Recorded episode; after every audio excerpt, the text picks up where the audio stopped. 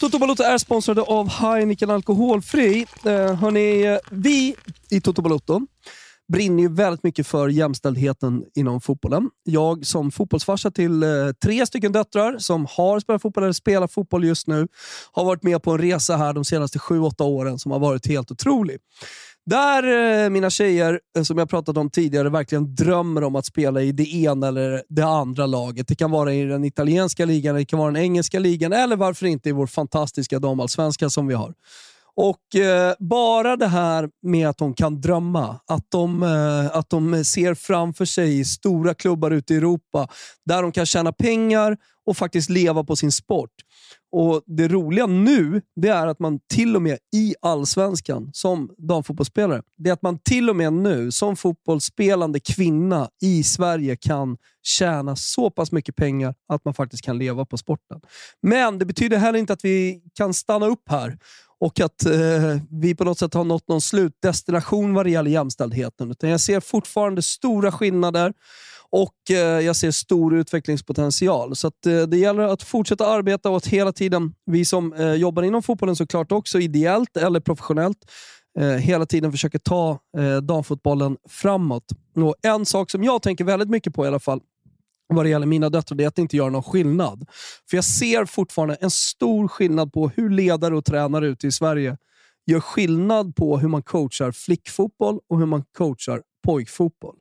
Och Då kan ju några tänka att ja, det är väl till det bättre, kanske då. För att det finns en massa skit inom pojkfotbollen, eller inom det som har varit och barnfotbollen.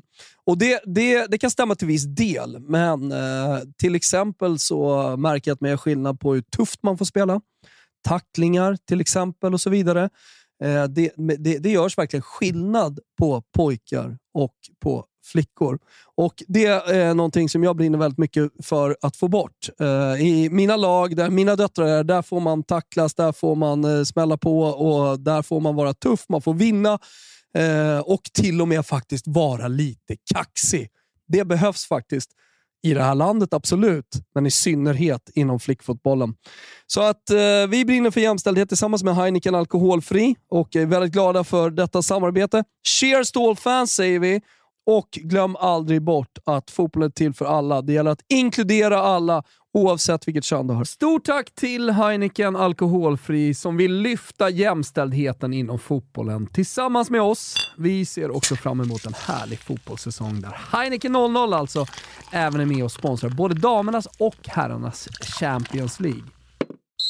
Jag börjar med en fråga. Minns ni fredagen? Nej, men det snurrar ju så snabbt nu att det inte finns en sportmössa att hänga med i alla svängar. Och jag förstår er, det är inte lätt. Då är det ju förbannat tur att vi har måndagstraditionen som är den finaste måndagstraditionen av alla måndagstraditioner, nämligen svepet. Men visst, och då får ni ta till er informationen att Inter åkte på rumpumpen modell värre när de besökte den lilla sydliga Ligurienpärlan La Spezia för att spela mot Albin Ekdals Los Spezia. Hänger ni med? Bravi, för nu kör vi här. 2-1 till eh, Giaquilotti blev det och eh, efter det också straffpolemik och Simone Inzaghi-kritik liksom sparkade igång den italienska calcion. Och det lär dröja innan vi är klara med att språka färdigt om Simones framtid. Ödesvecka för honom hur som helst. Som Gazettan rubricerade det hela på lördagmorgonen. Ursäkterna är slut. Då fattar ni läget. Prestera eller avgå. Inte lika spänd lina på lördagen, där det snarare rullade på enligt någon slags förutbestämd italiensk smorfiaplan. Napoli manglade Atalanta, Udinese vann i Spallettis Empoli och Sarris Lazio mäktade med en mållös tillställning i tjockisstaden Bologna. På söndagen jublade jag högt i en bil på väg till Studenternas för att kika på flickfotboll. Anledningen? Cabral målade igen och Fiorentina ser sedan någon månad tillbaka ut som världens bästa fotbollslag lag. Det var ju samtidigt mycket lustigt att Fiorentinas seger följdes upp av att Sassuolo bortaslog Roma. Något ni som följer med i renässansen av spelsurret med orden såklart inte blev förvånade över. Förvånade blev heller ingen som följer ovan nämnda surr att Torino vann lunchfighten i Lecce eftersom det var mitt stora spel i helgen borta på snabbare. Il Calcio, omgång 26, gick i mål i Turin på söndagskvällen där Sampdoria föll med flaggan i topp mot Juventus. Det finns en halv novell att joddla fram kring den matchen, men vi stänger istället Italy och kikar in i Premier Leagues förlorade värld. På tal om spelsurret så var vi många som trodde att Liverpool vaknat. Efterkloka efterhandskonstruktioner hålla sig borta, tack. Tack så mycket. Bompan gjorde ett, Liverpool gjorde noll och man har svårt att få grepp om grejerna i de röda delarna av Liverpool. Herregud. Och just herregud, eller wow, eller vilket kraftuttryck man nu vill använda är det väl bara utbrista när man kollar in Harry Kanes karriärsiffror. Två nya kassar mot Forest, 20 totalt den här säsongen i ligaspelet och det är ju bara lätta på smulan, känna lite lätt på knä mot markknät. Annars verkar det råda någon slags eh, konsensus kring att just Liverpool redan är klara fyror i Premier League. Jag har protesterat. Jag har sagt nej du. Samtidigt ska jag inte bråka för mycket. Det, det är, är, vad det är. Vad det är. Men jag tycker kampen är på riktigt. Gustav den tredje.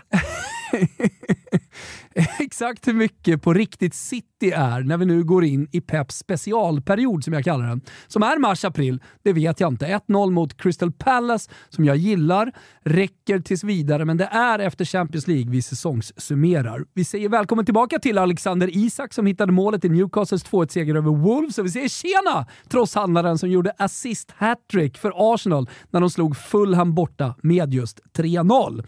På tal om kamper som är på riktigt så går vi emot en en historisk avslutning i bottenträsket. Är du med på det här Gusten? Nu kanske vissa räknar bort vissa lag med all rätt, typ Crystal Palace, som står på 27 poäng på 12 platsen just nu. Men faktum är att det efter helgens omgång bara är fem ynka poäng från just Palace ner till Soton på jumboplatsen.